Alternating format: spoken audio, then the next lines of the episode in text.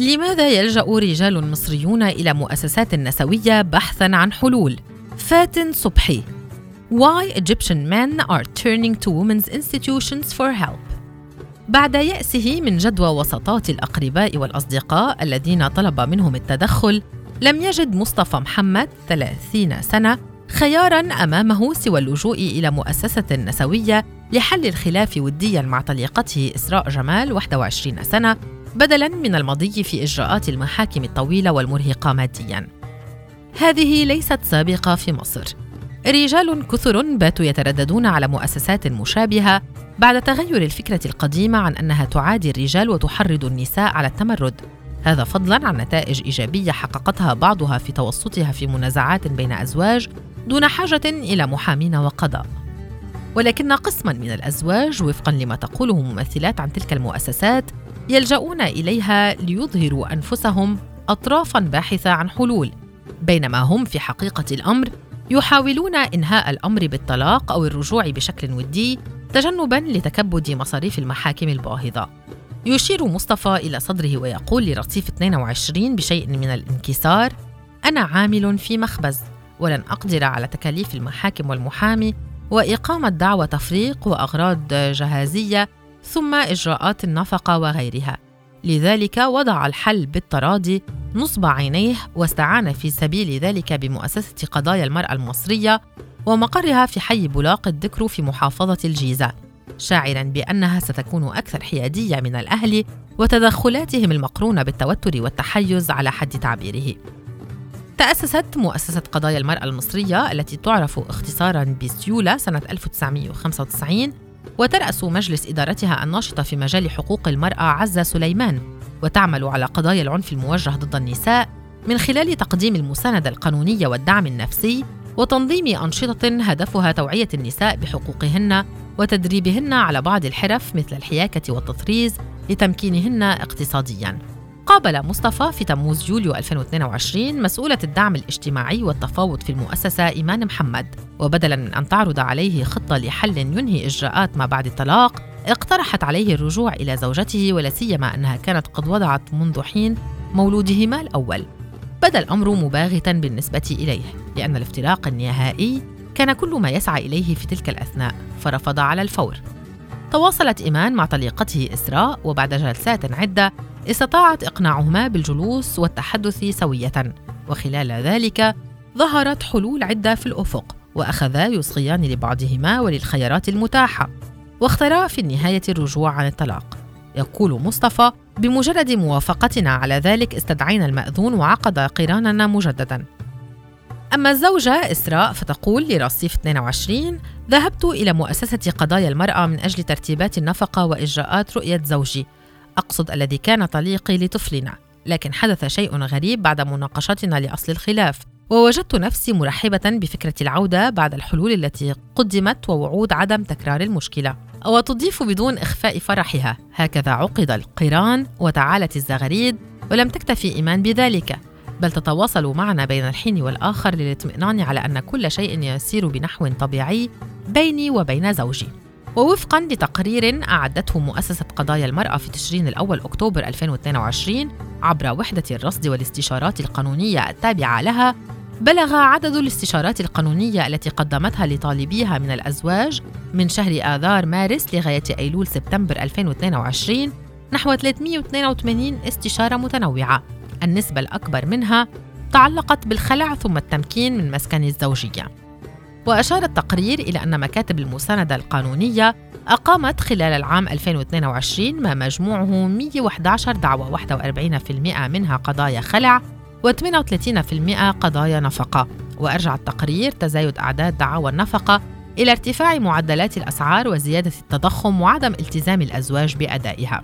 ولفت تقرير المؤسسة إلى أن دعاوى الخلع تشكل الحل الأسرع والأسهل إجرائيا وقضائيا مقارنة بدعاوى الطلاق.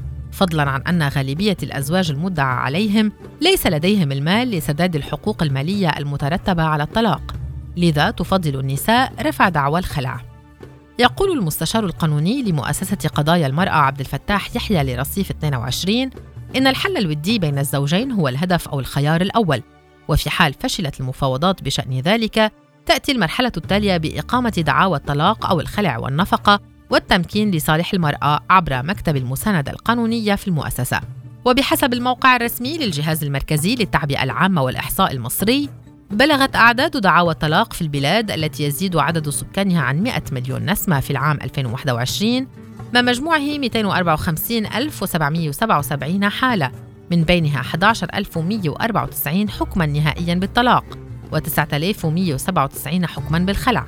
وستعلن إحصائية العام 2022 في آب أغسطس 2023 صيف العام 2022 فوجئت رابحة مصطفى 28 سنة وهي سيدة من محافظة الجيزة وتعمل موظفة في متجر للسلع الغذائية بمكالمة هاتفية من مؤسسة قضايا المرأة أبلغتها برغبة زوجها في التفاوض على تفاصيل الانفصال لتجنب الذهاب إلى المحكمة. تقول لرصيف 22 كانت بالفعل مفاجأة بالنسبة إلي لأنني لم أتوقع أن يلجأ إلى طرف آخر من أجل الوصول إلى حل. وفوق ذلك مؤسسة تخص النساء. وتضيف تدخلت أستاذة إيمان لإقناعنا بالعودة إلى حياتنا الزوجية. لكنني رفضت وتمسكت بطلب الطلاق وتنازلت عن حقوقي المادية مقابل الاحتفاظ بحضانتي لابني البالغ من العمر ثلاث سنوات. وبالفعل تم الطلاق داخل المؤسسة وأحضروا المأذون ووقعنا عقد اتفاق ليستطيع هو رؤية الولد داخل المؤسسة بواقع ساعتين كل شهر. يقول طليقها عبد الكريم محمد 35 سنة وهو بدوره يعمل في متجر للسلع الغذائية. أن انفصاله عنها جاء بعد تدخلات الأهل التي أفضت إلى مشاكل عديدة صعبت الحياة الزوجية لذا فكر بطرف محايد بعيدا عن كل الأقارب ووقع اختياره على مؤسسة قضايا المرأة. وذكر لرصيف 22 أن موظفات المؤسسة استقبلنه بترحاب واستمعن إليه باهتمام دون أن أشعر بأنهن منحازات لطليقتي كون المؤسسة معنية بالنساء. حاول عبد الكريم ثني رابحة عن عزمها الماضي في الطلاق واستثمر الفترة التي استغرقها المأذون في القدوم لكي يقنعها بذلك لكنها رفضت. يقول مستذكرا ذلك اليوم الاتفاق على رؤية ابني كان المكسب الوحيد والأهم الذي خرجت به وأنا ألتقي به مرة واحدة كل شهر في مبنى المؤسسة لمدة ساعتين نأكل ونلعب سوية. مسؤولة الدعم الاجتماعي والتفاوض في سيولة إيمان محمد تقول لرصيف 22 إن لجوء بعض الرجال إلى المنظمات النسوية يعني وصول رسالة تلك المنظمات بنحو صحيح. فدورنا هو الاهتمام بالأسرة بشكل محايد وحماية الطرف الذي يقع عليه الضرر وهو المرأة غالبا. وتستدرك لسنا ضد الرجال وهم أصبحوا يعرفون ذلك نتيجة لتجارب إيجابية سابقة أثبتنا فيها ذلك. ولهذا أعداد من يتواصلون معنا في تزايد. وعن مهامها في التفاوض بين الأزواج تؤكد بأن الأمر في غاية الصعوبة خاصة من جانب المشكو منه سواء كان رجلا أم امرأة. وتتابع في الغالب تقابل دعوتنا بعنف وهجوم شديدين والكثير من الشتائم. تستغرق إيمان في الضحك. تضع يدها على فمها وتقول وهي بالكاد تتمالك نفسها إن أحد الأزواج قال لها بغضب وما دخلك أنت؟ جمعيتكم النسوية هي اللي خربت البيوت وهدمت الأسر. هي تطلب تدخلك من أجل تهديد وتخويف. أعلى ما في خلها فلتركبه. وتلفت إلى أن دور المؤسسة لا ينتهي بانتهاء الخصومة سواء بعودة الزوجين أو بالطلاق ودياً. وإبرام الاتفاقات اللاحقة التي تنظم مسائل رؤية الأطفال أو الحقوق المادية بل تقدم ضمانات قانونية لكلا الطرفين بتوقيع عقد يتضمن كامل تفاصيل الاتفاق سواء تسليم قائمة منقولات أو نفقة أو حتى رؤية الصغير واستضافته لدى الطرف غير الحاضن وتسلم نسخة لكلا الطرفين وقد لا يقتصر دور مؤسسة قضايا المرأة على حل المشاكل الزوجية فقط بل وحتى مشاكل الآباء مع بناتهم. الفكرة تكمن في توفير بيئة آمنة للنساء بالأخص لحمايتهن من الاعتداءات البدنية أو الجنسية أو الحرمان من الحقوق مثل العمل أو الدراسة أو زيارة الأهل وهكذا توضح إيمان. وعن السياسة التي تتبعها إيمان في التفاوض بين الأزواج تقول في حال التفاوض على استمرار العلاقة الزوجية تحدد نقاط الاتفاق ويوقع عقد ودي باحتياجات الأسرة المادية. وكذلك يتحدد مبلغ مالي دوري للزوجة لتعتني بنفسها أو لشراء أمور خاصة بها والتنزه. ويتحدد يوم لتزور أسرتها. ويرفض تدخل أهالي الطرفين خلال التفاوض ولو حتى بإبداء الرأي كما يرفض اشتراط الزوج التفاهم مع الزوجة مقابل الإنفاق على أبنائه. وتبين نخبره أنه حتى بوقوع الطلاق ستظل ملزما باحتياجات الأبناء.